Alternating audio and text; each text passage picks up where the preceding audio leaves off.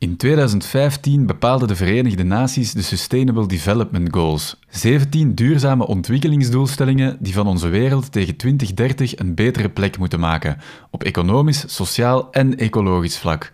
Maar om die SDG's te halen, moet iedereen meewerken. Overheden, organisaties, jij en ik, maar zeker ook bedrijven en ondernemers. Maar hoe weet je op welke doelstellingen je je moet focussen? Hoe ver staan we nog van de eindmeet af? En welke rol kunnen jonge ondernemers spelen in het behalen van die Sustainable Development Goals? Hey, hallo en welkom bij In the Lift, de podcast van Focus Smart Media Agency, waarin ik jonge ondernemers spreek over tal van thema's en waar jij in het beste geval iets van kan opsteken of geïnspireerd door raakt. Voor deze aflevering ging ik in gesprek met Sarah Vermeulen van Route 2030. Haar doel? Dat Route 2030 over negen jaar niet meer hoeft te bestaan. Hallo, ik ben Sarah van Route 2030. Vier jaar geleden kwamen wij al fietsend op het idee om Route 2030 te starten. Route 2030 is een bedrijf dat andere organisaties helpt om duurzaamheid te integreren. En wij hopen dat wij tegen 2030 niet meer nodig zijn, omdat de wereld dan helemaal duurzaam is. Een bijzonder goede dag, Sarah Vermeulen. Hallo, Hallo, welkom uh, bij In de Lift, bij een nieuwe aflevering. Ik ben hier uh, bij mijn ontvangst al uh, heel hartelijk verwelkomd door de hond, door, door Dali. wat voor hond is Dali? Dali was eigenlijk uh, een blindgeleidehond in opleiding. Oké. Okay. Um, dus ze hebben hem als pup weer bij ons uh, gezet. En wij moesten hem socialiseren, een aantal commando's aanleren, om hem ja, daarna op te leiden tot een blindgeleidehond. Maar jammer genoeg uh, was zijn rapport niet zo goed, zijn permanente evaluatie, omdat hij een heel gevoelige, heel speelse hond is, gaat hij het niet maken tot blindgeleidehond. Maar wij zijn alleen we vinden dat wel jammer, maar we zijn ook wel blij dat we hem dan mogen adopteren en dat hij dan bij ons mag blijven. Ja, dat speelsen heb ik inderdaad gemerkt, want hij sprong meteen op mij. Um, een, een, hond opleiden tot blinde geleidehond, hoe doet je dat? Want dat, doen, dat deden jullie dan ook. Uh... Ja, het is eigenlijk een heel traject dat die honden doorgaan. Hè. Dat is niet dat het op een jaartje klaar is. Dus het eerste, eerste levensjaar van de hond uh, gaat hij naar een pleeggezin, dus dat waren wij. Uh, waarin dat je moet zorgen dat hij elke soort situatie een keer heeft meegemaakt. Uh, dus dat hij van niks meer verschiet. Dat hij een aantal basiscommando's kan. Dat hij bijvoorbeeld geen eten uh, dat op de grond ligt gaat doen. Dat hij eigenlijk tijdens zijn wandelingen zijn behoeften niet doet. Al die zaken. En na dat jaar, als hij uit zijn puberteit komt, dan kun je er meer mee aanvangen. En dan zou hij eigenlijk een jaar naar school gaan. Gelijk ja. een soort van internaat. Waar dat hij gedurende dat jaar dan echt ja, helemaal uh, alle skills krijgt. En na dat jaar worden ze gematcht met een slechtziende, blinde persoon. Dus dat is eigenlijk een traject dat twee jaar duurt voordat ja. ze klaar zijn. En in heel dat traject zijn continu momenten waarop honden afgekeurd kunnen worden, want het is niet in elke hond zijn karakter of niet elke hond zijn roeping om uh, blindgeleidehond te worden. Ja, ja. Was dat de, de, eerste hond die jullie in huis namen die bedoeld was om blindgeleidehond te worden? Ja, dat was de eerste keer dat we dat, dat, we dat hebben gedaan, omdat wij wij wouden graag, wij zien heel graag dieren. We hebben ook alle, allee, ik heb mijn man alle twee al honden gehad vroeger. Maar ja, we wonen in een appartement in Antwerpen, dus we waren zo wat onzeker. Je bent jong, we weten niet zo. En we dachten, dat is misschien een ideale moment om één, te leren hoe dat je dat goed kan doen, een hond op een goede manier opvoeden. En twee, of dat dat ook echt iets voor, voor u kan zijn. Mm. En drie, ja, voor het, we wouden ook zo een keer vrijwilligerswerk doen, iets voor het goede doel. Dus voilà. Oké, okay, maar het is voor herhaling vatbaar. Het is wel voor herhaling vatbaar, maar je mocht het echt niet onderschatten. Het is echt veel werk. Ja, dat snap ik. Daar kan ik wel goed in komen. Jullie wonen hier inderdaad ook uh, in een heel mooi appartement op het eilandje in, in Antwerpen. Zou jij ook op een echt eiland kunnen overleven? dat is een goede vraag. Um, ik, vrees, ik vrees ervoor van niet eigenlijk. Nee, waarom niet? Uh, sowieso, uh, het eilandje in Antwerpen is misschien wel een eiland, maar het is wel een heel bruisend eiland. Dus er is heel veel te doen, heel veel uh, horeca, heel veel... Ja, dat, dat bruist hier echt van alle soorten initiatieven. Ook heel veel uh, van die lokale marktjes enzovoort. Um, dat ten eerste. En ten tweede, ja, ik, ik, ben misschien niet van Antwerpen, maar ik ben echt wel verliefd op Antwerpen. Ik heb hier heel wat vrienden wonen. Um, dus ja, ik denk dat een echt eiland wel heel ver af ligt van, uh, van de situatie waar ik nu woon. Ja, je hebt dat bruisende wel nodig. Ja, ja, ja. Oké, okay, okay. Op een eiland uh, leven, is dat duurzaam volgens u? Ik denk dat um, als het een onbewoond eiland is, dat het zeker uh, niet zo duurzaam is. Ik ben wel voorstander dat we mensen wat meer in kernen dichter bij elkaar gaan wonen, zodat je alles wat meer kunt concentreren. Als je op een eiland woont, moet alles naar u komen. En als jij ergens naartoe wilt, dan zal het al met een boot of met een vliegtuig moeten zijn. Dus eh, in dat, op dat oogpunt ook niet misschien de beste keuze. Ja, ja. ik vraag naar natuurlijk omdat jij, jij bent duurzaamheidsexperte uh, en een van de medeoprichters van Route 2030. Vertel eens, wat is Route 2030? Ja, Route 2030 is een uh, bureau voor strategisch duurzaamheidsadvies. En dat verandermanagement vinden wij ook heel belangrijk, want duurzaamheid is een verandertraject. Um, en daar moet dus veel aandacht aan besteed worden. Um, ja, wij doen dat ondertussen al, al drie jaar en een half. En ja, zoals ik daar net zei, die 2030 is echt de bedoeling dat wij andere organisaties zodanig helpen dat zij op hun eigen houtje uh, duurzaam kunnen worden en met onze hulp, maar daarna zelf kunnen, zodat we in 2030 niet meer nodig zijn. En we proberen ook heel hard de unusual suspects te benaderen. Dus sectoren, uh, organisaties die op het eerste vlak uh, er niet mee bezig zijn of een beetje vergeten worden. Zoals bijvoorbeeld, hè, we hebben uh, samengewerkt met de sportsector, de reissector, de zorgsector, cultuursector enzovoort. Oké, je hebt een paar dingen aangehaald waar ik graag wil op inpikken. Uh, misschien te beginnen met eh, die datum 2030. Wat is er tegen dan? Wat gebeurt er tegen dan? Of, of waarom is die datum zo belangrijk, 2030? Wel, in 2015 hebben de Verenigde Naties via ongeveer het grootste stakeholderproces aller tijden uh, een aantal doelstellingen bepaald. Dus dat waren, wie heeft daaraan meegeholpen? Bedrijven, maar ook universiteiten, ook uh, NGO's, jeugd enzovoort met het idee van als we in 2030 in een wereld willen leven die dat de boundaries van de planeet respecteert en ook sociaal zorgt dat iedereen fundamenteel in zijn uh, noodzakelijkheden kan voldoen, welke doelstellingen moeten we ons dan vandaag zetten? En vandaag was 2015. Dus uit dat idee zijn een aantal doelstellingen gekomen. Dat zijn er 17. Dat zijn de duurzame ontwikkelingsdoelstellingen of Sustainable Development Goals in het Engels. Ja. En uh, dat zijn 17 doelstellingen dat iedereen moet proberen nastreven. Dus zowel bedrijven als NGO's, als jij persoonlijk, als overheden enzovoort. En ja, de tijd tikt natuurlijk, maar als we in 2030 die doelstellingen zouden halen, zouden we eh, de planeet respecteren en de sociale fundamenten respecteren. Dus okay. daarom is dat zo'n belangrijke datum. Ja, ja, ja, maar het gaat dus niet alleen over, over klimaatopwarming en milieu-impact, maar ook over armoede, uh, opleidingen, heel breed.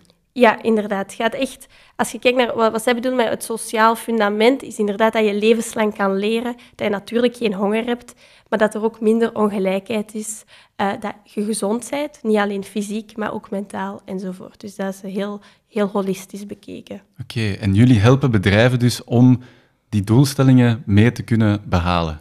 Ja, want zoals je hoort aan die doelstellingen, geen armoede, geen honger, dat is heel wereld. ja, veel, ja. veel organisaties zeer ver van hun bed. En wij proberen organisaties te helpen dat vertalen naar hun eigen context.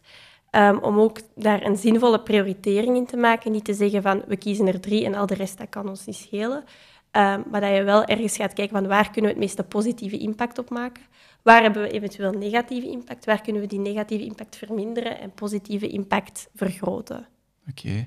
Okay. Um ja, zo creatief uh, verandermanagement en, en uh, strategisch duurzaamheidsadvies, dat klinkt redelijk vaag voor mij. Hoe moet ik mij dat concreet voorstellen? Of, of wat kan ik mij daarbij voorstellen als ik als bedrijf bij jullie kom aankloppen? Ja, dat hangt ook inderdaad af van, van de noden van, van de organisatie. Ja. Maar in eerste instantie moet je eigenlijk een beetje inzicht creëren van oké, wat, wat is die agenda juist, hè, die 17 doelstellingen, en wat, waar, waar zetten wij vandaag op in, bewust en onbewust, want veel organisaties doen, doen al meer dan ze, dat ze denken. Um, wat zijn onze sterktes, wat zijn eventueel uh, onze zwakkere punten?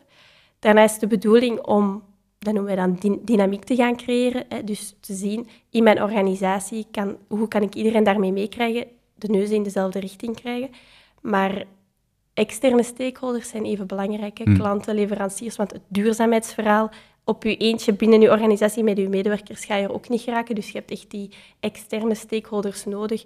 Hè, terug in je keten gaan van, hè, van waar komen onze grondstoffen enzovoort. Dus samen met de interne en externe stakeholders gaan kijken, oké, waar gaan we nu op inzetten? Dat noemen we dan koers maken, doelstellingen zetten, welke richting gaan we uit? Om dan ja, impact te gaan meten, daarover te communiceren, daar een verhaal rond te schrijven um, en zo anderen te inspireren. En transparant te zijn natuurlijk terug naar die stakeholders. Ja, ja dat transparante is, is heel belangrijk wel. Hè? Ehm, de bedrijven die bij jullie komen, komen aankloppen, wie, wie zijn dat dan zoal?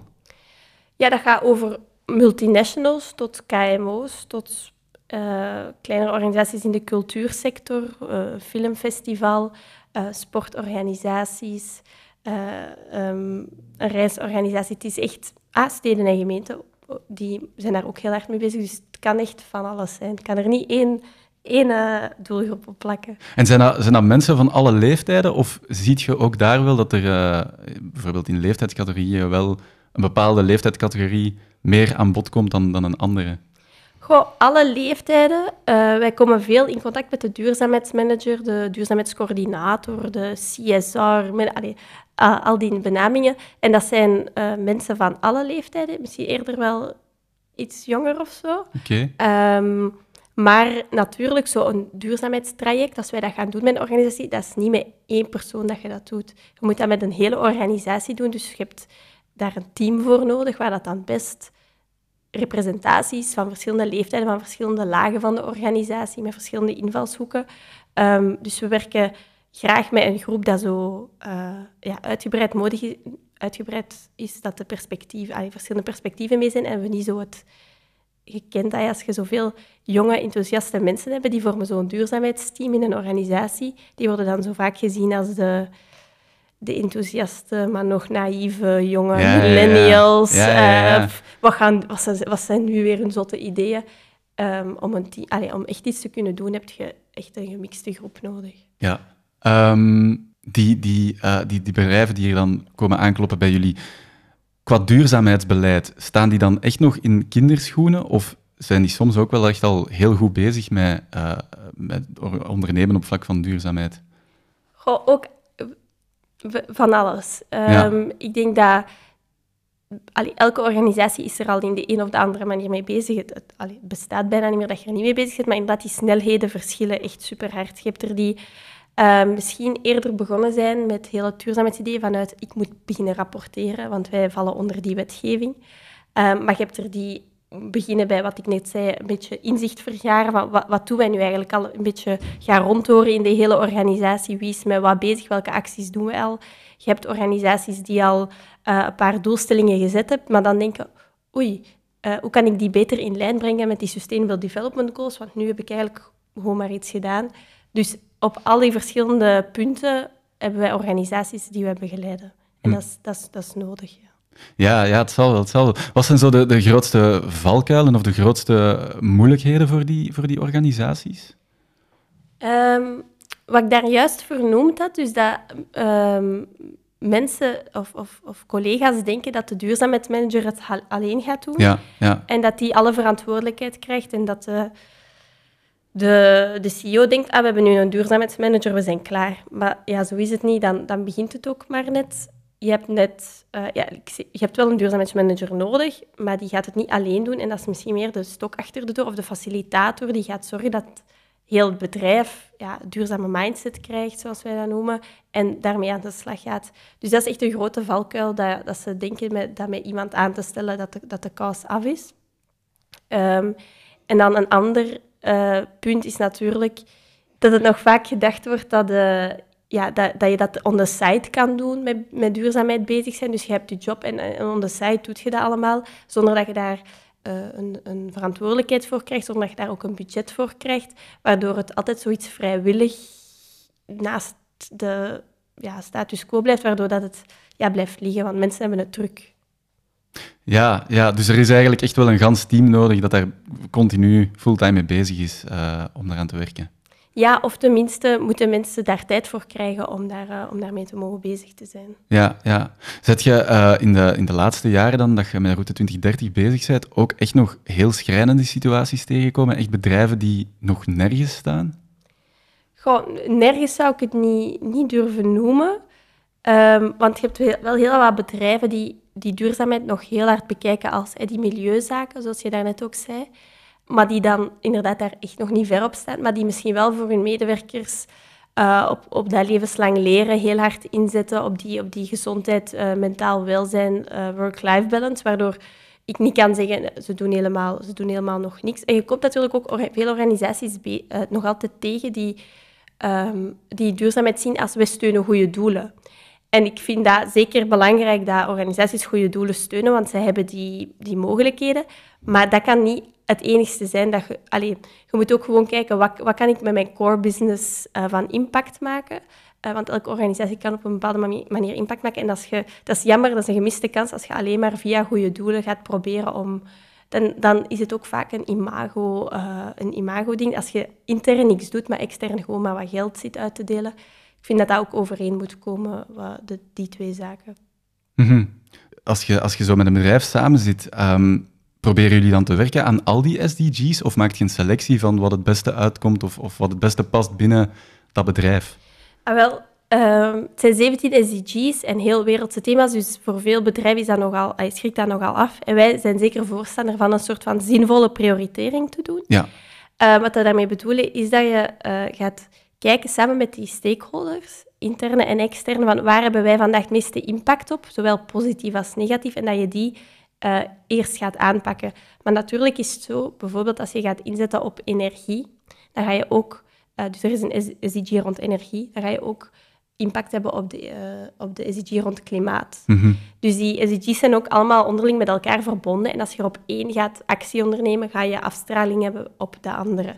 Um, maar um, wij zijn dus voorstander om een prioritering te doen, samen met de stakeholders, te kijken waar is onze negatieve impact, waar is onze positieve impact, en dan goed te bekijken, uh, het holistische kader niet uit het oog te verliezen. Dat je niet, uh, bijvoorbeeld door een actie te doen op energie, ik zeg maar iets, dat je daardoor niet op armoede heel negatieve impact aan het maken bent. Ja, ja, ja. Dus dat je dat zeker niet uit het oog verliest. Oké, okay, het is belangrijk dat die allemaal wel aan elkaar verbonden en gelinkt zijn. Ja, uh, voilà. Oké. Okay. Um, is, dat, is dat mogelijk wel om als bedrijf op die 17 SDG's te werken? Um, het is mogelijk, uh, maar het is een heel complexe oefening. Omdat bij elk... Uh, daarom dat wij ook heel veel belang hechten aan dat systeem denken dat het soms heel moeilijk en complex is om altijd te weten, als ik hier een actie onderneem of een doelstelling zet, op welke andere vlakken kan dat allemaal een impact hebben. Mm -hmm. Dus ik zeg maar iets, stel je zet zonnepanelen op je, op je dak. Um, heb je erover nagedacht, stel dat die kapot gaan, heb je een, leverancier die dan die komt repareren, afhalen, recycleren, of heb je eigenlijk gewoon die zonnepanelen en als ze kapot zijn, in de vuilbak niet gerecycleerd weet ik veel wat, wat er daarna mee gebeurt. Um, dus dat is heel moeilijk soms om, uh, om, om, om heel dat plaatje uh, voor u te hebben. Maar wij proberen dat wel te bewaken. Um, en wij, allee, wij, wij stimuleren organisaties zeker om uh, ambitieus te zijn, maar om toch eerst ja, een aantal dingen die het dichtst bij je core business liggen mm -hmm. te nemen. En daarmee bedoel ik ook bijvoorbeeld dat um, als, als, als bank bijvoorbeeld kan je gaan inzetten op minder printen of zo. Mm -hmm. Maar je zou veel beter dichter bij je core business blijven en eerst kijken van oké, okay, wat doen we bijvoorbeeld met onze fondsen en onze beleggingen, waar gaan onze centen naartoe? Um, voordat je misschien... Allez, je kunt al je energie steken in papier, maar is dat waar dat die stakeholders, waar ik het over had, zitten op te wachten? Die zitten eerder eerst te wachten op uh, je core, wat, wat je doet met je core business, waar dat je centen steekt enzovoort. Ja, ja, dus het is niet dat je als bedrijf uh, kunt zeggen van, van die SDG's lijken mij makkelijker om te behalen. Het hangt echt keihard af van wat dat je core business is, hoe dat je stakeholders erover nadenken. Ja, waar ligt mijn grootste impact? Ja. Wat vinden mijn stakeholders het belangrijkste? Die gaat je eerst aanpakken. Niet, de, niet per se de gemakkelijkste dus. Oké, okay, maar zijn er wel gemakkelijkere dan Ik andere? vind van niet eigenlijk. Ah, ja, ja. oké. Okay. Nee, dat is goed, dat, is, dat is belangrijk. Um, um, als jij op basis van je ervaring dan kijkt naar, naar 2030, want uh, je hebt heel veel bedrijven al geholpen, al heel veel over de vloer uh, gekregen. Zijt jij hoopvol naar 2030 toe? Um, ik ben hoopvol, wel nog altijd, want eigenlijk dit weekend zijn de SDG's zes jaar geworden. Juist, ja, juist. Ja, ja uh, dus er is niet meer superveel tijd, maar ik vind ook wel dat er veel uh, veranderd is de afgelopen jaren. Het is maar een stom voorbeeld misschien, maar vier of vier jaar geleden zochten wij naar een elektrische wagen. Uh, er was eigenlijk niet veel keuze toen. Dat was zo Nissan Leaf of direct een Tesla. Hmm. Als je dat nu bekijkt, dat is wel ongelooflijk uh, wat er daar bewogen is. En er beweegt dus veel, maar er is ook nog veel nodig om te bewegen. Ik heb ook het gevoel dat de eerste jaren uh, tijd nodig was om te spreken over die SDG's, te inspireren, dat inzicht te krijgen in wat is dat nu juist en waar zit mijn organisatie daar, waar pos positioneer ik mij. Maar dat nu, ze noemen dat ook bij de VN de Decade of Action, ehm, wel is aangebroken. Dus dat, het, dat we er nu genoeg over gepraat hebben. Mhm. En dat nu wel echt tijd is om actie te ondernemen. En er beweegt veel, dus ik ben wel, ik ben wel hoopvol, ja. Oké, want als ik heel eerlijk ben, ehm, ik heb de SDG's natuurlijk bekeken. Het gaat echt over dat er geen armoede meer is in de wereld, dat er geen hongersnood meer is, dat er overal eh, kwaliteitsvol onderwijs is, dat de gendergelijkheid overal eh, snor zit.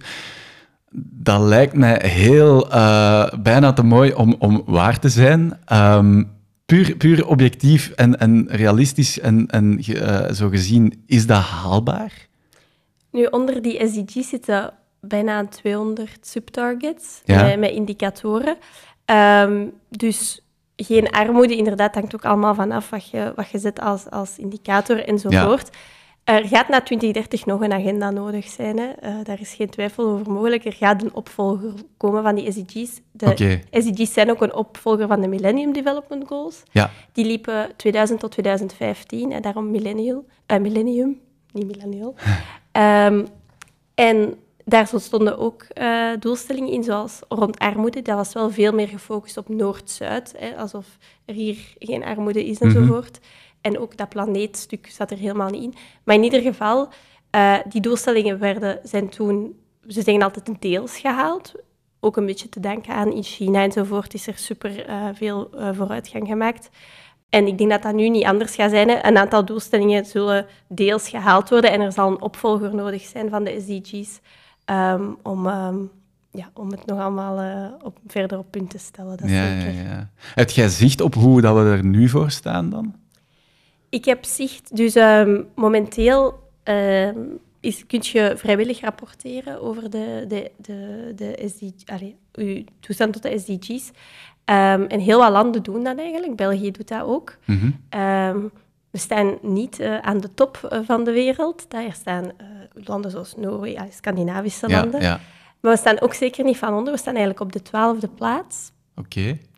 Eh, wat dus niet super slecht is. Nee, nee. Maar natuurlijk, wij wonen in, eh, in West-Europa. Wij zijn de rijkste regio's ter wereld. Wij hebben ook gewoon onze plicht om, om daar van, voor te- van, van boven te staan. Ehm, en wij scoren eh, op een aantal zaken goed, maar we scoren vooral niet goed op, op die planetaire zaken. Ook, het wordt ook berekend op... we- Wij zijn een heel klein land met heel weinig eigen resources en zo, Mhm. waardoor dat wij daar op die vlakken niet zo goed scoren. Wij scoren dan beter op die sociale dimensies. Ja. Die, die twaalfde plaats, dat is inderdaad dat is niet slecht, maar je zegt het zelf, we zijn een, een westers rijk land. Zouden wij eigenlijk gewoon veel beter moeten doen? Eigenlijk zouden wij gewoon veel beter moeten doen. Want wij worden nu inderdaad ver- vergeleken met een Burkina Faso en een Niger en zo. Ehm, dus ja, wij zouden, wij zouden eigenlijk toch minstens in de top 10 moeten staan. Hè? Ja, er is nog werk aan de Ja, winkel. ja, zeker.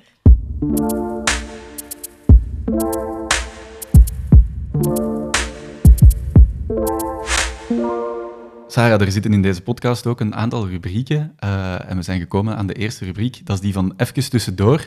Dat is geschreven met drie F'en. Die van eh, financiën, falen en familie. En over elke F stel ik eh, een paar vragen.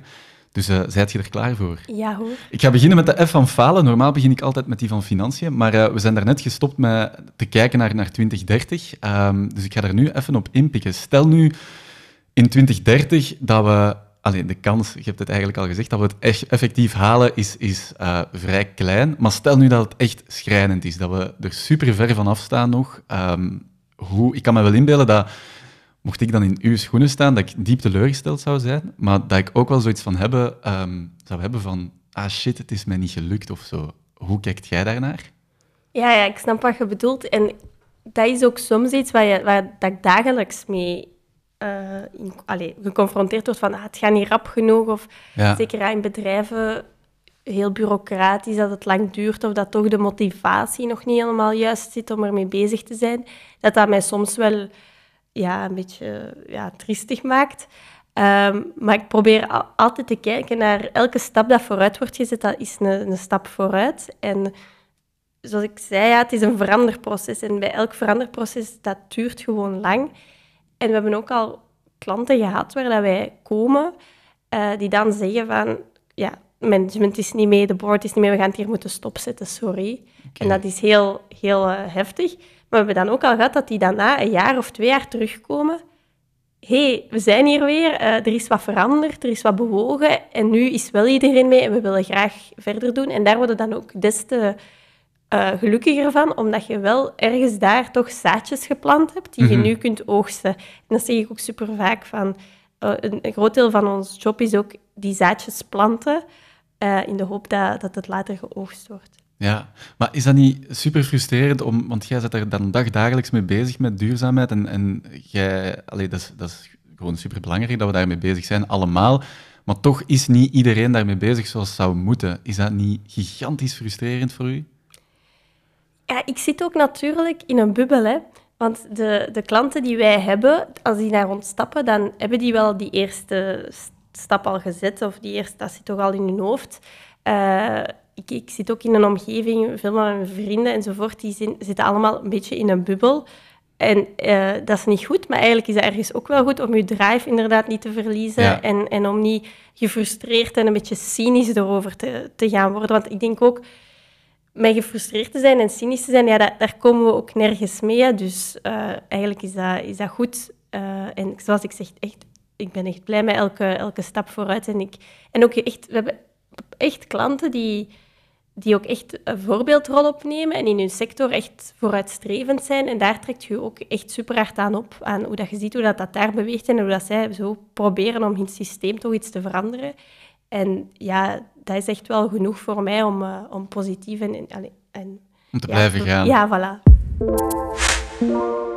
Dan gaan we naar uh, de F van financiën. Want um, ja, over duurzaamheid, daar wordt ook wel altijd van gezegd dat dat effectief ook duurder is.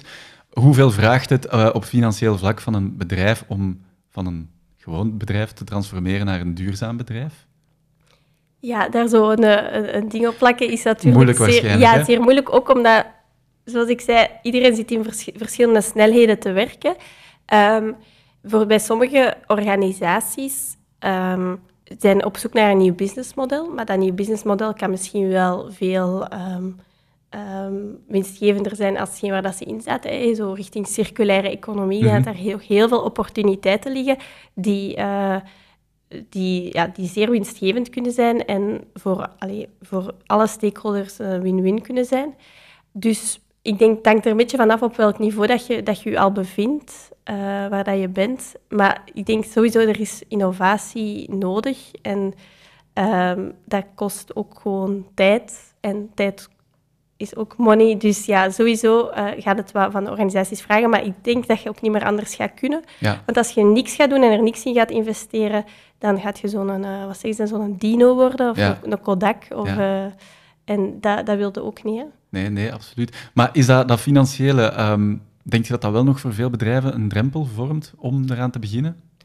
Ja, dat, ja en vooral bij KMO's ja. um, ziet je wel dat die eerder uh, ik ga niet alle KMO's over dezelfde kam scheren, want je hebt ook heel veel van die familiebedrijven die, er, die dat zit al in hun DNA, dus voor hen is het heel gemakkelijk zelfs om, uh, om, om, dat te doen. Uh, maar je hebt ook altijd organisaties die meer um, afwachtend zijn en eerder gaan er komt wetgeving en dan pas gaan reageren. Dus die niet zoveel anticiperen. Mm en dan is het natuurlijk duur als je altijd achter de feiten moet aanlopen. Zoals we ook bijvoorbeeld bij die GDPR zagen. Ja, ineens was het er en moest iedereen dan consultants gaan huren om dat achteraf allemaal in orde te brengen. Ja, ja, ja. Um, en ja, ik denk als je, uh, als je ermee bezig bent en, en je investeert er nu in, dan, dan anticipeert je op alles wat eraan komt en gaat je daar gewoon uh, winsten pakken. Ja, ja, en besparen inderdaad als het zover is, als het verplicht wordt. Um, voor de jonge ondernemer, hoe haalbaar is dat om van in het begin bezig te zijn of te investeren in duurzaamheid volgens u?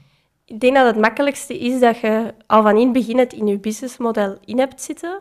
Uh, dat is veel gemakkelijker dan er achteraf nog proberen mm induwen. En dat is ook veel goedkoper.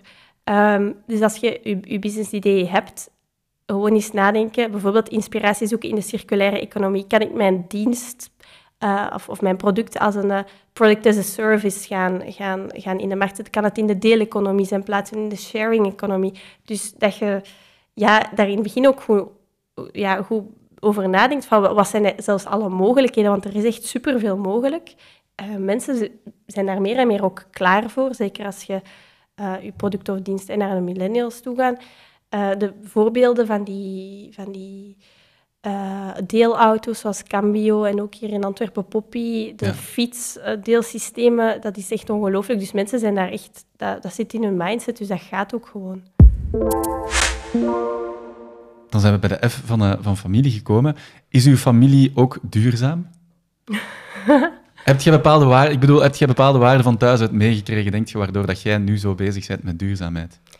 Ik denk dat wel dat ik die waarden heb meegekregen van hun, maar ik denk niet dat ze het expres gedaan hebben. Ja, Ehm, wat wel zeker een feit is, is dat ehm, ik met mijn ouders veel heb kunnen reizen. ja, En ik denk dat dat sowieso ervoor zorgt dat je eh, een besef krijgt van hoe dat wij hier leven. Dat is niet iedereen gegeven en dat is puur toevallig gebeurd. Eh, waar dat je geboren geraakt, daar kun je heb je geen invloed op. Ehm, dus ik denk dat daar zo dat rechtvaardigheidsgevoel heel sterk ehm, ontstaan is. En natuurlijk, doordat ik als je kind veel gereisd hebt, ben ik dat blijven doen. En blijf je met die dingen geconfronteerd worden. eh, van, ja, kom aan, we moeten, we moeten hier iets bijdragen, we moeten hier iets in beweging zetten. Ehm, niet, ook niet alleen voor, voor, voor uw eigen goed, voor uw- mensen in andere landen nu goed, en ook voor, u, voor uw kinderen en kleinkinderen nu goed. Dus ik denk wel dat dat, dat dat iets belangrijk is dat ik daar heb meegekregen. maar reizen op zich is wel helemaal niet duurzaam. Dat is ook een, eh, een moeilijke vraag. Reizen, ik denk dat het de, uw mindset heel erg kan verbreden. Ja. U heel erg kan bewust maken van bepaalde problematieken of dingen die bij u totaal niet spelen en anders wel. En u heel ja, wereldburgerschap heel bewust kunnen maken. Ehm, natuurlijk is daar een keerzijde aan hè, van, van het vliegen enzovoort, maar je hoeft niet per se te vliegen Nee, ten nee, eerste tuurlijk, al om te reizen. Ehm, dus dat is een, ik vind dat zelf een heel moeilijke afweging. Dat is ook een van de, van de moeilijkste waar ik, waar ik elke dag mee, mee struggle. Omdat ik, ik ben zeker dat als ik niet gereisd zou hebben en die perspectieven zou gehad hebben, dat ik ook niet zou aan het doen zijn wat ik vandaag doe. Ja, En er zijn heel veel mensen dat door een reis terugkomen en ineens eh, vegan gaan worden of, of, of, of toch fair trade kopen. Of, en dat, ik denk dat dat toch super belangrijk is, dat we niet allemaal met ons oogkleppen op blijven. Eh, en dat je ook niet alleen maar alleen via het nieuws al die dingen te zien krijgt, maar dat je het ook met je eigen ogen beleeft. En ik denk dat dat ook meer aanzet tot, tot verandering en, en actie en storytelling enzovoort. Dus het is een, het is een hele moeilijke, maar zeer terechte vraag. Ehm, uw, uw familie en uw vrienden, komen die vaak dan ook met, met duurzaamheidsvragen of duurzaamheidskwesties naar u om advies te krijgen, bijvoorbeeld? Ja, dat gebeurt inderdaad wel. Ehm, en dat is het, het, het, het erge is daarvan dat ik ook daar niet altijd een goed antwoord op kan geven. Mm. Zoals ehm, een, vraag dat, een vraag dat vooral eh, veel gesteld wordt, is van... eh, als ik in de supermarkt ben of ik ben, ik ben aan het shoppen op de mer, hoe weet ik eh, wat dat duurzaam is en wat niet? Want al die bedrijven hebben wel een mooie website over duurzaamheid eh, op, hun, eh, op hun website staan. Ja, ja. Maar hoe weet ik het nu echt? Mhm. Ehm, en daar moet ik ook vaak zeggen van, het is super moeilijk. Allee, ik ben er dagelijks mee bezig, maar zelfs voor mij, ik kan ook niet zien als ik die een t-shirt zie, dat is nu de duurzame en die daar links van niet. Ehm, maar ik probeer, ik probeer wel een beetje advies te geven in de zin van, denk, allee, het is vooral belangrijk ten eerste dat je ni- niks koopt dat je niet nodig hebt. Want dan is het helemaal stom als je Mhm, dan mhm. iets hebt gekocht en je hebt het eigenlijk niet nodig. Eh, ik raad hun ook altijd, ik, ik gebruik wel soms de app Yuka bijvoorbeeld, eh, voor cosmetica of levensmiddelen. Ik, ken, ik ken hem niet, de, de Ah, app, ja. dus misschien moet je even Ja, ja. kaderen. Ja, ja ik, wil ik, ik word niet betaald door Yuka of zo, dus, dus ik, ik wil niet te hard reclame voor maken, maar dat is een app waarmee dat je producten kunt scannen. En dan krijg je eigenlijk een soort van score. Oké, En eh, die score geeft weer... allee, wordt eigenlijk gebaseerd op de ingrediënten van, van het product. En bijvoorbeeld voor voeding en voor cosmetica gaat dat ook heel hard over ehm, microplastic bijvoorbeeld. Zit Ja. daar microplastic in dat product? Of zitten daar stoffen in die hormoonverstorend, kankerverwekkend zijn enzovoort? Ehm wat dat u wel een beetje een idee geeft, maar natuurlijk mocht, ja, moet u er ook nooit blind op staren. Maar dat vind ik al wel een beetje een handige tool. Eh, een, een andere handige tool is ja, eh, eh, labels checken. Je hebt zo'n website labelinfo.be. Mhm. Want op den duur weet je het ook niet meer, omdat merken beginnen hun eigen labels uit te vinden en op hun producten te kleven, dus op den duur. Dus dat is ook een tip dat ik, dat ik vaak geef. Volg de juiste labels en het zijn er heel veel, maar als je echt gaat kijken, degenen die echt erkend zijn, dat valt wel mee. Ehm, dus informeert u daar, daar goed over. Um, woorden zoals 100% natuurlijk, dat, dat mag iedereen gebruiken, maar zo'n label, dat, dat mocht je alleen gebruiken als je daar echt geaudit op bent. Ja, en inderdaad voor de rest kijken of dat je het niet kunt lenen, kijkt of dat je het niet kunt huren, kijkt of dat je het zeker wel nodig hebt, enzovoort. Dus ja, dat zijn allemaal... Um, ja, zo probeer ik wat tips te geven, maar het verandert ook allemaal heel snel, dus eh, ja, ja, ja. dat is moeilijk. Waarvoor dank voor die tips. Uh, Sarah, ik heb ook iemand gevonden uh, die dat jij heel goed kent, iemand die u ook heel goed kent, en iemand die mij ook iets wist te vertellen over u. we gaan er even naar luisteren. Ik ben benieuwd. Sarah is een van de meest ondernemende, doelgerichte, vrolijke, maar ook empathische personen dat ik ken. En ik wil misschien graag een analogie gebruiken, die van een zeilboot, en ze zal dat wel herkennen. Om een zinvolle koers te varen heb je ja, de juiste wind in de zeilen nodig. Af en toe moet je je anker uitwerpen, omdat je belemmeringen hebt. En het is zeker ook cruciaal om iedereen aan boord tevreden te houden. Alleen zo kom je bij je eindbestemming uit. En Sarah weet dat als de beste. Alles wat zij onderneemt, zorgt ervoor dat zij een zinvolle koers gaat varen. Of ze nu Zuid-Amerika doorkruist met de fiets, een onderneming opricht, Tali opvoedt als blindgeleide hond, of zelfs een boek schrijft.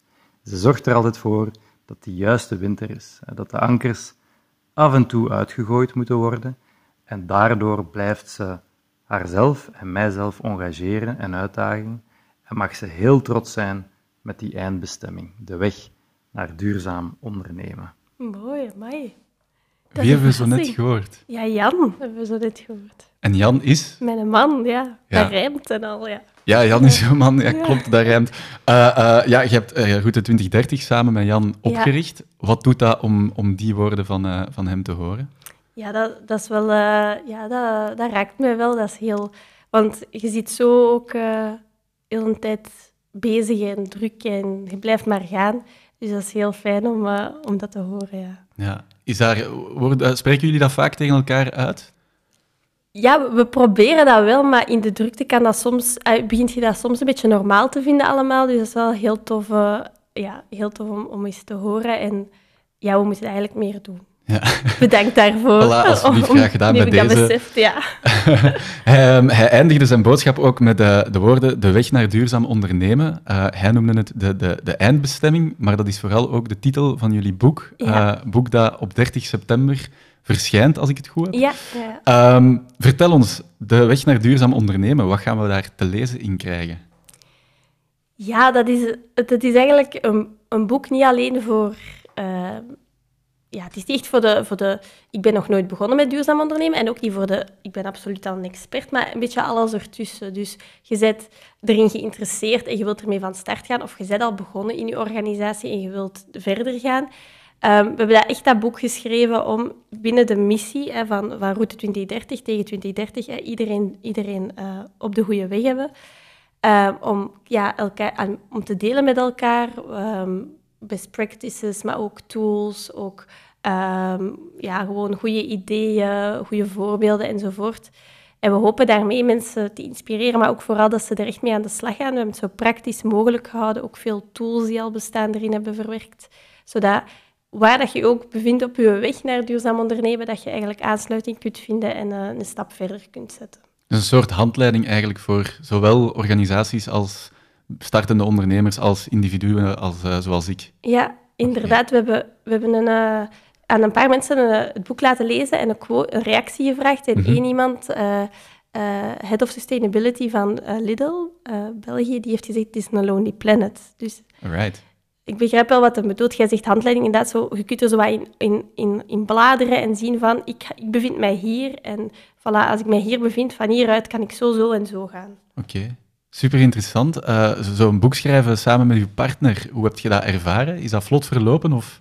Ja, dat is eigenlijk wel heel vlot gelopen. Ja. Dat, is, dat is eigenlijk wel zot. We, hebben, uh, uh, we zijn gewoon begonnen met een inhoudstafel te maken mm -hmm. en met de, alle onderwerpen. En dan hebben we gewoon gezegd, waar had jij zin in om te schrijven? En dan heeft, die heeft Jan wat onderwerpen gekozen en dan waar ik zin had. En dan hebben we wat geschreven. En we hadden dan de wel, eh, het is wel belangrijk om een goede routine te zetten en een beetje discipline. Dus we hadden ook afgesproken dat elke week we elkaar stukken zouden lezen. Ook al was dat maar vijf zinnen. Maar dat je toch de moeite neemt om de ander zijn stuk te bekijken en daar feedback op te geven op, op een goede manier. En doordat je dan wel elke week die afspraak hebt, zijn je er elke week mee bezig. En heb je ook zoiets van, oh shit, het is bijna vrijdag, ik heb nog niks geschreven en Jan moet dat uh, lezen. Dus, uh, dus dat, is ook een beetje de stok achter de deur. Ja, ja, ja. En omdat je er dan mee bezig blijft, dan, dan rolt dat wel. Heeft het, heeft het lang geduurd om het boek te schrijven? Ja, niet... Allee, de uitgever heeft gezegd dat dat, dat dat niet zo lang was. We zijn eigenlijk begonnen begin corona, omdat toen ineens ja, merkten we wel, dingen werden afgezegd, uh, workshops werden afgelast, opleidingen enzovoort. Mm Dus we hadden ineens, oei, wat gaan we doen? Dus dat hadden we onze bezigheid om dat boek te schrijven. Het heeft ongeveer een jaar geduurd voor de finale versie. Um, en dat is dus niet lang, doorlooptijd van een jaar. En dan is de uitgeverij ermee aan de slag gegaan. En die zijn nu nog alles aan het afwerken. Oké, dat lijkt me inderdaad niet zo lang een boek schrijven. Ik denk dat ik er uh, heel mijn leven over zou doen. Of zo. Eh, niet voor mij, maar... Uh, discipline is belangrijk. Ja, discipline is belangrijk. En dus nog één keer, het licht vanaf 30 september in, de, in de rekken, als ik het goed heb. Hè? Ja, helemaal juist. Dat zal voor heel veel luisteraars dan op dit moment al zijn, want de aflevering komt op 29 september ah, uit. Voilà, dus voilà. iedereen naar de boekhandel en kopen en lezen.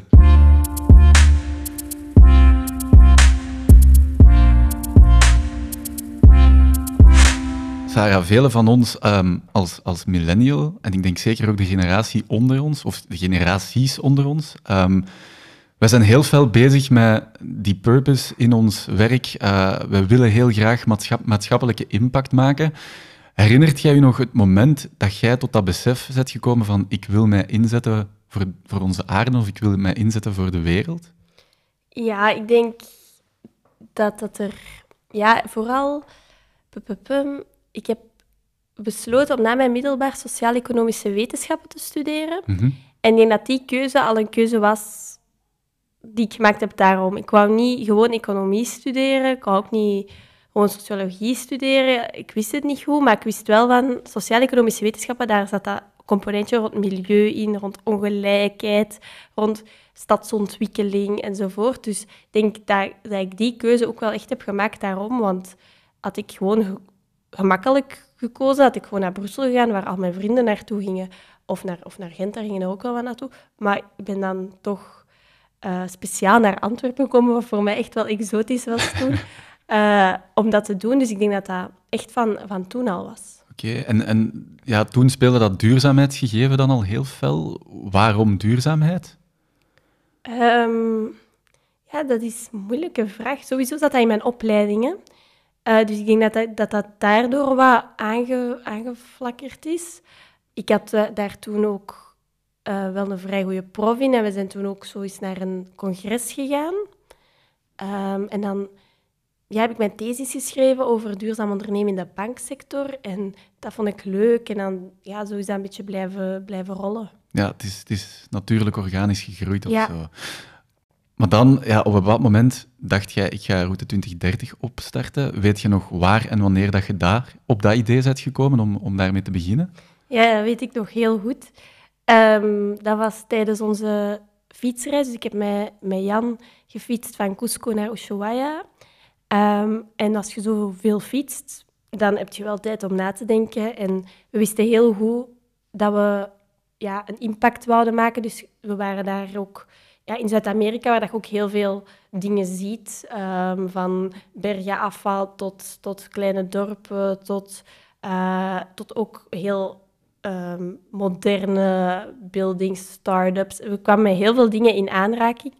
En dat we ook zo dachten van, goh, we, we, er is nog zoveel te doen in, uh, in Vlaanderen, in België, rond, rond duurzaamheid. Mhm. We hebben eigenlijk die middelen uh, als, als Belg om, om, om daarmee aan de slag te gaan. Gaan we dat gewoon niet uh, proberen? We hadden ook niet echt iets te verliezen. We kwamen dan, na die reis kwamen we terug en zijn we gewoon begonnen. Um, en dat is heel goed uitgedraaid. Want die reis die was dan vrij direct na jullie studies? Nee, ik heb eerst nog um, gewerkt bij um, een bank. Ja. En dan, daar was ik een beetje ingerold dan doordat ik over mijn thesis ging over Ja, duurzaamheid ja. en banken. En daarna ben ik terug naar de UNIF gegaan, ook om uh, rond duurzaamheid te werken. Dus omdat ik denk ik wel aanvoelde van in die bank super tof, maar Mhm. nou, ik wil toch meer. Dus dan ben ik naar de universiteit gegaan. En dat was eigenlijk een contract van bepaalde duur, dat ik rond een project heb gewerkt, uh, rond de Susta-tool. Dat is een gratis tool om duurzaam te ondernemen. Hier weer wat sluikreclame op de website van NVO Vlaanderen. Uh, nee, het is een gratis tool. En daar, um, dat was een, ay, toen die tool klaar was, zeg maar, was dat project afgerond. En ja, dat is eigenlijk een ideaal moment ook om dan zo'n reis te maken. Hè? Ja. Dus we eigenlijk op voorhand gezegd, als, als dat contract afloopt, zijn we weg. Oké, maar dan um, dat idee op zich, dat is er dan wel vrij snel gekomen. Van, oké, we gaan Route 2030 beginnen en we gaan ons richten op bedrijven om die te helpen transformeren naar een duurzamer bedrijf. Ja, we zijn, we zijn vier maanden en een half aan het fietsen geweest, dus dat is wel tijd genoeg om dat, om dat allemaal uit te denken. Hè? Ja, ja, dat hangt er natuurlijk vanaf wanneer dat je met dat idee begint te spelen. Uh, maar ja, nee, inderdaad, dat is relatief uh, veel tijd misschien. Um, is, er, is er een reden waarom dat jullie u specifiek op bedrijven wouden richten? Um, op zich richten wij ons niet specifiek tot bedrijven, want we hebben, we hebben ook lokale besturen, we hebben ook uh, ja. Ja, zo zorg, allez, ziekenhuis, um, sport. Ja, ik, dus juist. Ik bedoel misschien gewoon grotere organisaties en niet um, individuen of zo. Ah, ja, ja. Ja, omdat um, we, we, allee, organisaties hebben meer impact als individuen, omdat een organisatie is een verzameling van individuen Mhm, natuurlijk. mhm. Um, dus daarom hebben wij daarvoor gekozen, omdat, ja, weerom, omdat we echt wouden impact maken en omdat we dachten, met organisaties gaat dat, uh, ja, gaat dat, gaat dat snel... Allee, kun je grotere dingen verwezenlijken en, en dat blijkt ook wel, hè. Uh, maar natuurlijk moet je op twee niveaus spelen, want als je een organisatie bent waar alle mensen niet mee zijn, ja, dat gaat niet lukken. Mhm. Um, dus we, we, we, besteden daar in onze dienstverlening ook wel veel aandacht aan om die individuen ook wel mee te hebben. Ja, ja communicatie is ook heel belangrijk, ja, denk ik, uh, in het hele verhaal. Ja. Um, als we dan kijken naar zo, uh, de, de, onze generaties van ondernemers, of onze generatie van ondernemers en de generatie daaronder, um, welke rol of wat kunnen die volgens u betekenen nog in het, in het verhaal van het behalen van de SDG's? Ik denk um, degene uh, dat al in, al, al in een job werken en een job hebben, die kunnen denk ik vanuit hun, vanuit hun job wel proberen om dat ja, beetje leiderschap, SDG-leiderschap of zo, op te nemen. Uh, door al, al is maar door vragen te stellen. Hè. Als Mhm. jij met leveranciers samenwerkt, vraag eens van, hebben jullie ook een duurzamer alternatief? Of door eens aan uw baas te vragen van, hey, hoe zijn wij daarmee bezig? Hebben wij doelstellingen rond duurzaamheid? Wie is daar verantwoordelijk voor? Uh, door aan, aan uw collega's vragen te stellen daarover. Het kan persoonlijk in het leven zijn, maar ook, uh, ook in. Door, wij, wij praten graag over duurzame mindsets. In het boek gaat er ook veel over van hoe kun je zorgen dat, dat, dat bij elke beslissing dat je neemt, dat duurzaamheid uh, een parameter is. Dat Mhm. alles wat je doet, dat je dat daar ook eens aan aftoetst. Dat dat in je hoofd zit van, als ik um, uh, inderdaad een offerte opvraag voor uh, de, weet ik veel, teambuilding van volgende maand, dat je dat in je hoofd hebt van, ah, ik kan misschien eens vragen, hebben jullie een, een, een, sociaal, uh, een sociale teambuilding? Uh, welke broodjes komen daar op die teambuilding? Enzovoort en zo verder. Dus dat je dat, dat je dat in elke beslissing meeneemt, dat je een soort van duurzame gewoontes creëert, zeg maar. Want iedereen zijn leven, organisaties bestaan uit heel veel gewoontes, ontelbare gewoontes. Zo overleven wij eigenlijk, want ons hoofd zou het anders niet aankunnen. Maar hoe kun je die gewoontes een beetje... En nudge komt dan ook vaak uh, in het spel van naar meer die duurzame dingen. Dus dat is één ding. Probeer misschien aan je eigen duurzame mindset wat te werken en probeer vragen te stellen en collega's te stimuleren, uw baas, uw stakeholders. En voor degenen die misschien nog niet aan het werken zijn, als je je, zoektocht maakt naar een bedrijf voor wat dat je wilt werken, stel ook gewoon die vragen op je sollicitatiegesprek. Vraag eens altijd op het einde, heb je nog een vraag? Ah, wel, je hebt een heel goede vanaf nu, van wat, wat, doen jullie daar rond? Kennen jullie de SDG's? Hebben jullie een, of gewoon hebben jullie een duurzaamheidsbeleid? Welke doelstellingen streven jullie naar? Um, ik denk dat dat, dat um, ook gewoon belangrijk is voor jezelf persoonlijk, om je echt geëngageerd te voelen Mhm. met, voor die organisatie, om te weten van, het is niet alleen uh, de cijfertjes die tellen, zij, zij werken ook echt mee aan, uh, aan een van die doelstellingen, het behaal van een betere wereld. Dus dat zijn mijn twee voornaamste tips zijn. Oké, en voor zo de, de, uh, echt de jonge ondernemer die dat zelfstandig iets, iets wil beginnen, is dat, is dat volgens u belangrijk dat die, um, dat die jonge ondernemers echt iets, iets nieuws opstarten, dat, die, dat heel duurzaam is, of dat die proberen om in samenwerking met bedrijven te zoeken naar innovatie, naar, naar nieuwe manieren om duurzamer te worden? Ja, ik denk alle twee, hè, want ja. um, sowieso, je hebt, je hebt de millennials, dan heb je Gen Z, waar veel over gesproken wordt. Hè. Dat is zo'n beetje de Greta Thunberg-generatie, mhm, alles. Maar dan heb je daar nog een generatie onder. En dat is nog een heel jonge generatie, daar kun je nog niet heel veel over zeggen, maar wat wel vaststaat, is dat die generatie wordt opgevoed door millennials. Hè. Dat zijn de kinderen van millennials die zeer waardegedreven zijn, en zoals je net ook zei. Plus die hun idolen, de mensen naar wie dat die opkijken, dat zijn Gen Z'ers. Mm Dus ik denk dat als die... Um, ja, uh, dat die aan uh, ik denk dat die aan dezelfde kant gaan staan als, als Gen Z, als, als millennials. En dat gaat ja, de grootste groep consumenten worden, dat gaat de grootste groep medewerkers worden. Dus ik denk sowieso dat startende ondernemers daar heel hard rekening mee moeten houden, dat dat er zit aan te komen. Dus dat het eigenlijk ja, volgens mij echt een no-go is om helemaal geen rekening te houden eh, met mhm, duurzaamheid. Mhm.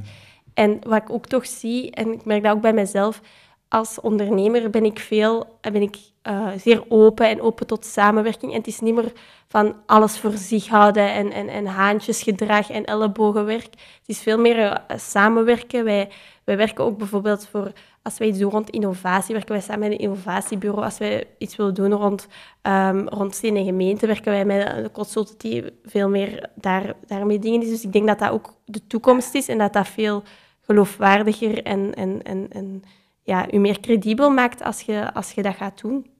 En dat dat echt in de tijdsgeest ook zit. Kunnen we er geraken zonder samenwerken? Nee. Nee. Ja. Oké, dat is een duidelijk antwoord, dat dacht ik al. Ja, want, eh, want misschien, ook nog interessant, een van die 17 SDG's is partnerships voor de goals. Dus om de ja. doelstelling te behalen hebben we iedereen nodig. Okay. Dus nee. Voilà, dat is heel duidelijk. Um, bestaat er zoiets als een, als een eerste gemakkelijke stap om als ondernemer te kunnen zetten om impact te kunnen maken op vlak van duurzaamheid? Ik denk dat de eerste stap, een belangrijke stap is, is dat je je organisaties onder de loep neemt met die 17 SDG's mhm. en gaat kijken van waar maken wij vandaag al impact op, wat doen wij vandaag al en wat zijn onze blinde vlekken, waar maken wij negatieve impact en zijn we ons niet van bewust of doen we er eigenlijk niet van. En dat is de belangrijkste oefening om van daaruit, allez, om van daaruit verder te gaan. Oké. Ehm, de impact die je maakt met, zo'n, met, zo'n, met je onderneming, zij het als jonge ondernemer of als je werknemer bent bij een bedrijf, die impact kun je natuurlijk pas zien nadat je die gemeten hebt. Um, op vlak van die SDG's, hoe kun je je impact meten? Op heel veel verschillende manieren. Uh, de SDG's zelf hebben indicatoren. Maar die indicatoren zijn vaak weer ver van uw bed nogal moeilijk om uh, toe te passen op uw bedrijf. Maar er zijn heel mhm. wat frameworks um, die, die hebben proberen vertalen, um, waar dat je inspiratie kunt halen. Um, maar eh, dat, dat, dat zetten we in ons boek ook heel duidelijk, want er is een heel deel over impact van je moet ook zelf gaan kijken van wat, vind ik, allez, wat, wat, wat willen wij weten en hoe, wat is voor ons haalbaar om, om, om te meten. Want je kunt daar wel indicatoren zetten, maar als je niemand kunt motiveren om dat bij te houden, om daarover te rapporteren, ja, dan, dan is dat ook een maat tot niks. En je moet ook goed zien dat je indicator echt meet wat, wat je, wat je wilt mhm, meten mhm. en, en impact meten en niet gewoon, uh, ja, gewoon iets is om de Excels te vullen of zo. Um, maar dat is een heel moeilijke oefening, ja. uh, waar dat je ook weer, ik val in herhaling, maar waar dat je ook weer je stakeholders moet betrekken, um, om goed te weten van wat, wat, kunnen we meten, wat willen we weten en, en hoe kunnen we dat samen doen. Want ja, je, kunt ook niet, je gaat het ook niet alleen kunnen opvolgen, je hebt mensen nodig om dat te doen met je. Oké, dus het, is, ja, het draait echt om kritisch nadenken, samen zitten. Systeemdenken. Systeemdenken, ja. Um, Wordt er volgens u vanuit de maatschappij genoeg aangemoedigd om duurzaam te ondernemen en duurzamer te worden qua bedrijf? Oh, ik denk dat dat, dat dat, zeker beter kan en, en zeker beter moet. Ja. Um, aan de andere kant denk ik ook dat het, uh, als je echt een duurzaamheidscultuur wilt hebben en echt een duurzame mindset, dan moet het ook een intrinsieke motivatie zijn. En uh, mag het niet alleen maar zijn omdat de overheid daar nu een subsidie voor geeft of dit of dat.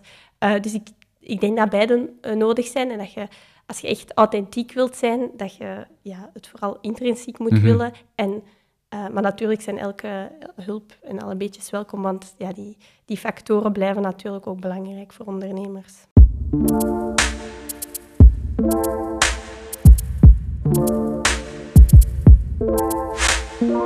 Sarah, we zijn nu al even aan, aan het babbelen en uh, ik denk dat ik wel kan zeggen dat jij een positief ingesteld persoon bent. Hoe komt dat volgens u? Uh, ik denk dat dat een beetje aangeboren is, nee? Ja, dat, ja, dat kan. Maar uh, misschien, ik weet niet, dat er ook uh, bijvoorbeeld levensmotto's zijn die u helpen in het, uh, in het positiever in het leven staan. Ik weet het niet. Het zou zomaar kunnen. En toevallig hebben we ook een rubriek die gaat over, over levensmotto's. Um, heb jij een, een levensmotto? Um, het is niet dat ik zo ene, ene zin heb of zo. Um, maar ik denk dat het, dat, het, dat het misschien al te raden valt, omdat ik het al een paar keer genoemd heb. Maar mijn levensmotto, of waar ik toch naar probeer te leven, is dat elke stap vooruit is, is, is, is een goede. En uh, dat is ook belangrijk om dat te, te erkennen en dat eventueel te vieren. Want successen vieren is ook een van de belangrijke manieren om, om, om gedrag te veranderen. Dus dat elke stap in de goede richting goed is en dat kleine stappen perfectly fine zijn. Um, en dat is ook op persoonlijk niveau, want je hebt een, een eigen bedrijf bijvoorbeeld en je zou kunnen zeggen... Uh, je kunt van die heel grote doelen hebben voor je, voor je bedrijf en je kunt daar schrik van krijgen. Maar als je die allemaal opdeelt in kleine stukjes, in kleine stapjes, dan is dat ineens veel haalbaarder. Mm -hmm. Dat is voor, voor een persoonlijk niveau zo, op organisatieniveau. Dus ik denk dat dat mijn levensmotto is. En daardoor misschien inderdaad ben ik zo positief. Oké. Okay. Heb je daar een concreet voorbeeld van, van wanneer dat u dat al geholpen heeft? Goh, dat helpt mij echt elke dag. Hè. Want bijvoorbeeld als ik... Uh, bijvoorbeeld een grote workshop moet voorbereiden of zo. Of uh, bijvoorbeeld, ah, een goed voorbeeld. Donderdag is onze boeklancering. Ja. Dus dat is uh, een, een, zeer spannend event ja, waar ja. heel veel voor moet gebeuren. Hè, van de vegan hapjes tot de weet ik veel wat. Sprekers, panelleden, alles. En um, op een gegeven moment dacht ik, we moeten dat gewoon niet meer doen, want dat is te veel, dat is te veel stress, dat is te veel gedoe. Terwijl als je dat begint op te breken in allemaal mini, mini kleine stapjes, en na elk stapje zegt je, ah, goed gedaan, dan, dan is dat allemaal veel haalbaarder en zo.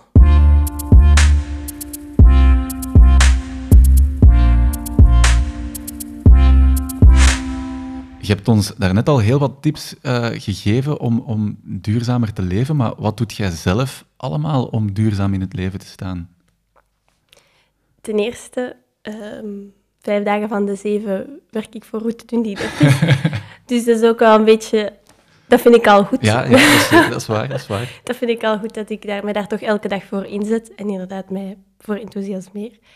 Um, daarnaast een grote brok toch wel, als je kijkt naar, naar impacten, is um, dat wij vegan eten. Mm -hmm. We proberen dat hier binnen in onze huiselijke omgeving 100% te doen, maar wij zijn ook niet zo allee, radicaal of zo. Als wij ergens toekomen en er staat eten voor ons geserveerd, dan zal het nog erger zijn, vind ik, om het niet op te eten. Ja, dus ja. Dan, dan, uh, dan eten we wel alles. Um, dus dat is één ding. En in dat koken, als je vegan kookt, wij houden ons ook wel bezig met seizoensgebonden en zo. Dus dat is wat eten betreft. Um, het tweede ding dat belangrijk is, is uh, naar impact is spullen. Dus alles wat dat je koopt. Mm -hmm. um, ik heb daar juist al wat aangehaald, maar ja, dat minimalistische levensstijl of zo, uh, ik denk dat dat veel mensen veel kan, zou, allee, kan brengen. En ik vind dat echt leuk om, om ook niet te veel te hebben. En ook leuk om... Allee, het is bijvoorbeeld, wat een tip kan zijn, is als je eigenlijk graag iets wilt, Mhm. dat je dat opschrijft op een lijstje. En vaak, als je dan een week later daarnaar kijkt, dan wil je dat eigenlijk niet meer hebben. En dat dan toch jammer geweest dat je zo uit een impuls dat dan direct gekocht had. Want soms kopen met... Ik ook, hè. Dan wil je iets kopen omdat je eigenlijk niet zo goed voelt. Dan denk je dat dat liefde is, maar dat is niet waar. En dat is dan goed als je dat opschrijft en dan een week later zeg je... Ah, ik wou dat doen, maar nu eigenlijk niet. En andersom, als er echt dingen zijn dat je dan echt wilt en iemand vraagt... Ah, je bent bijna jarig. Dan heb je een lijstje en kun je daar gewoon iets uitpakken. Dus dat is echt handig. Oké, okay, goede tip ook. Uh, over dat, dat vegan eten wou ik graag nog iets vragen, want... Um, ja, ik, ik, dacht altijd dat op zich het vlees eten dat dat de grootste boosdoener was, uh, dat dat de grootste milieu-impact had. Maar tussen vegetarisch eten en vegan eten, is dat verschil nog, maakt je daar nog een, een grote impact mee? Of valt dat verschil wel mee? Als je het over eten hebt, kan het rap gevoelig worden. Hè? Dus, Ah ja, eh, maar ik, ik, ga, eh, ik ga er wel op antwoorden hoor. Het ding is gewoon dat natuurlijk melk en eh, kaas enzovoort, dat Ja. komt nog altijd van koeien. Ja, En het wil nu ne- net zijn dat die koeien zijn dat eigenlijk wel het, voor het grootste probleem zorgen. Dus als je het allemaal zou bekijken en ook je- je water en je plaats, allee, de ruimte die het inneemt zou nemen, zou het misschien zelfs beter zijn om, in plaats van vegetariër te zijn, om kip te eten. Begrijp je dat een boterham met kipfilet misschien beter is dan een boterham met kaas? ja, En ehm, dat, is gewoon, dat is gewoon heel moeilijk om te weten, ook voor mensen. Ehm, en daarvoor hebben wij er ook voor gekozen om, om echt de laagste impact te hebben. Ook omdat dat super lekker is en heel gezond ook eigenlijk. Ehm, ook omdat ik toch, toch al niet zo goed tegen lactose kon, dus ja, weet je. Maar ja, ik zou zeker zeggen, van als mensen dat horen, van be- begint waar dat je jezelf goed bij voelt en Mhm. begin met kleine stapjes. Bijvoorbeeld alleen het ontbijt of alleen het middageten. En je kunt eerst veggie doen en dan ook een keer af en toe iets, iets vegan erin sluiten. Want als je elke dag koelkaas gaat eten, dan moet je ook de vraag stellen van... Ja, ben ik wel de impact aan het halen dat ik, dat ik wou? Oké, ja, dat is een, een goede tip inderdaad. Want eh, ja, wij eten zelf vrij vaak vegetarisch, maar inderdaad, de boterham met kaas is wel bijna elke dag aanwezig. Ook lekker, hè?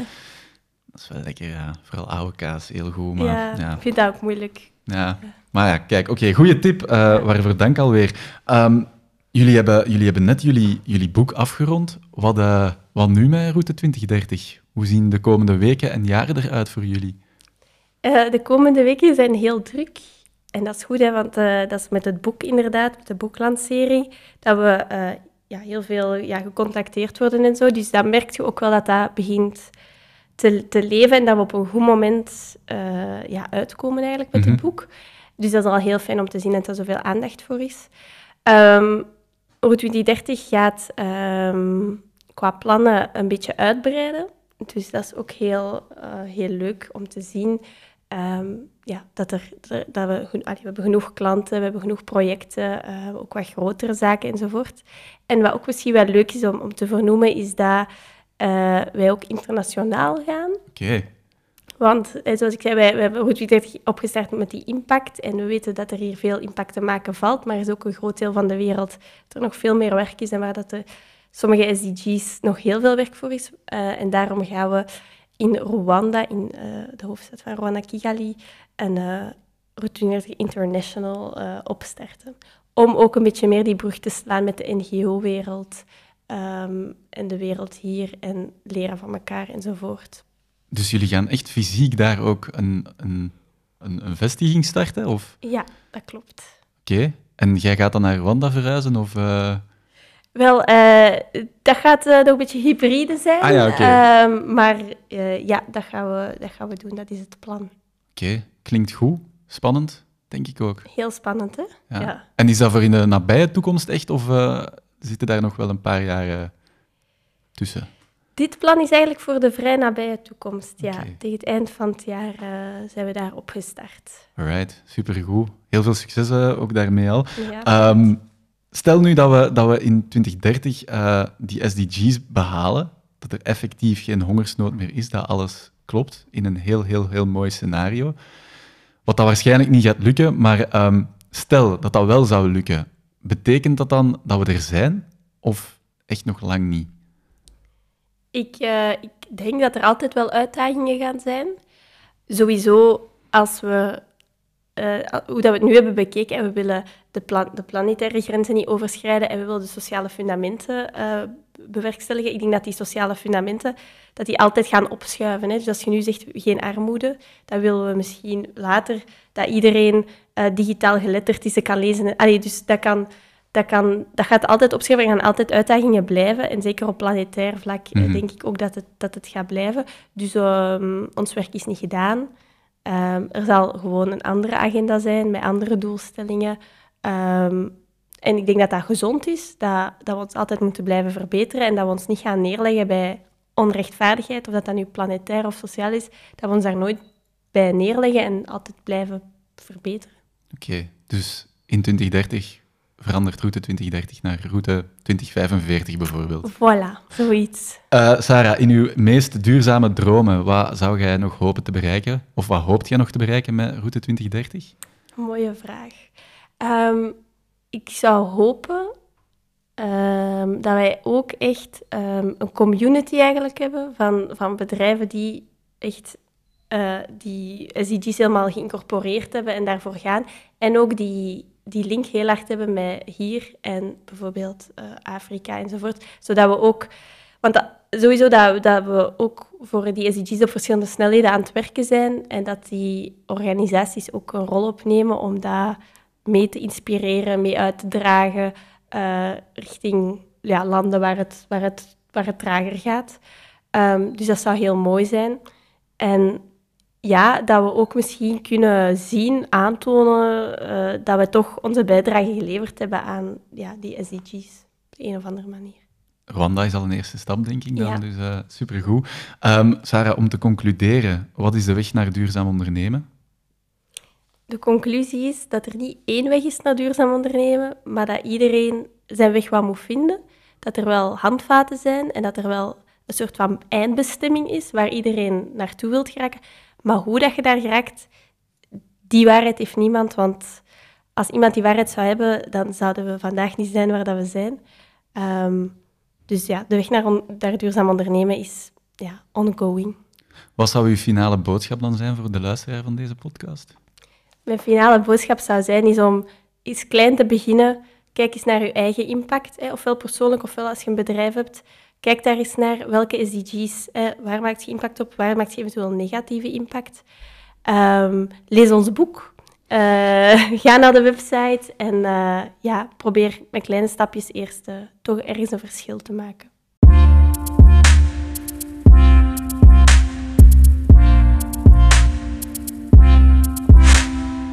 Sarah, we hebben daarnet Jan al even gehoord met een boodschap, maar ik heb nog een boodschap van iemand mee. Het is te zeggen, iemand die een vraag heeft voor u. Ja. Um, want we zijn gekomen bij onze startersketting.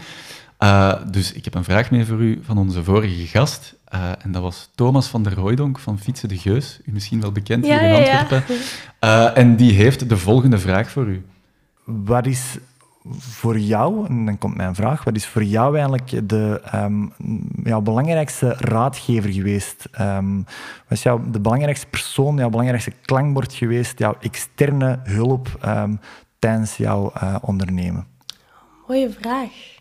Ik denk, zeker in het begin, dat ik heel veel gehad heb aan mijn tante, die ook zelfstandige is.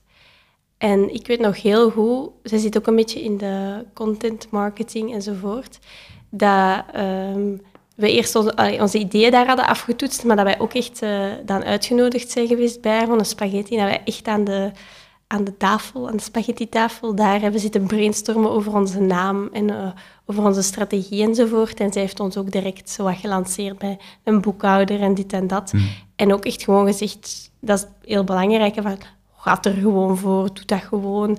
Uh, jullie kunnen dat, jullie hebben de capaciteiten in huis. Um, dus dat was in het begin wel uh, heel belangrijk. Ik denk niet dat ze zou, zou gedacht hebben dat, dat, ik, uh, dat ik haar hier nu zou vernoemen. Um, maar ja, dat is, dat is toch wel belangrijk om, om zo mensen te hebben dat u, dat u echt steunen. Ja. Denk je dat je anders niet zou durven gesprongen hebben? Het zou misschien langer geduurd hebben. Ja. Het is moeilijk om, om te zeggen, maar ik denk, denk dat het waarschijnlijk langer geduurd zou hebben. En dat we ons misschien ook niet zo sterk hadden durven uh, in de markt zetten. Dat we dat misschien gewoon ons zo wat... Ja, we, we doen misschien wat freelance, zo, zodat... Ja, ja, ja. ja. Oké, okay, dus veel te danken wel aan de tante. Ja. En brainstormen met een spaghetti, dat is ook echt heel, een heel goed concept. Ja. Uh, onze startersketting die moet natuurlijk voortgezet worden. Dus uh, beste Sarah, wat wilt jij te weten komen van onze volgende gast? Ah, wel, uh, na het gesprek dat wij hebben gehad, wil ik misschien wel vragen: um, hoe ben jij bezig met, met duurzaamheid? Wat zijn jouw stapjes die jij zet? En dat mag persoonlijk zijn of, of in de organisatie. Oké, okay, ik denk dat dat een heel logische vraag is ja. van waar dat die komt. Uh, ja, Sarah, ongelooflijk dikke merci voor dit gesprek, voor uw tijd ook. En uh, heel veel succes ook nog in de toekomst met Route 2030. Zowel hier in België als dan in Rwanda. Uh, ongelooflijk dikke merci. Merci, het was heel gezellig. Dank u wel. Sarah Vermeulen. Bedankt om te luisteren naar de veertiende aflevering van het tweede seizoen van In de Lift.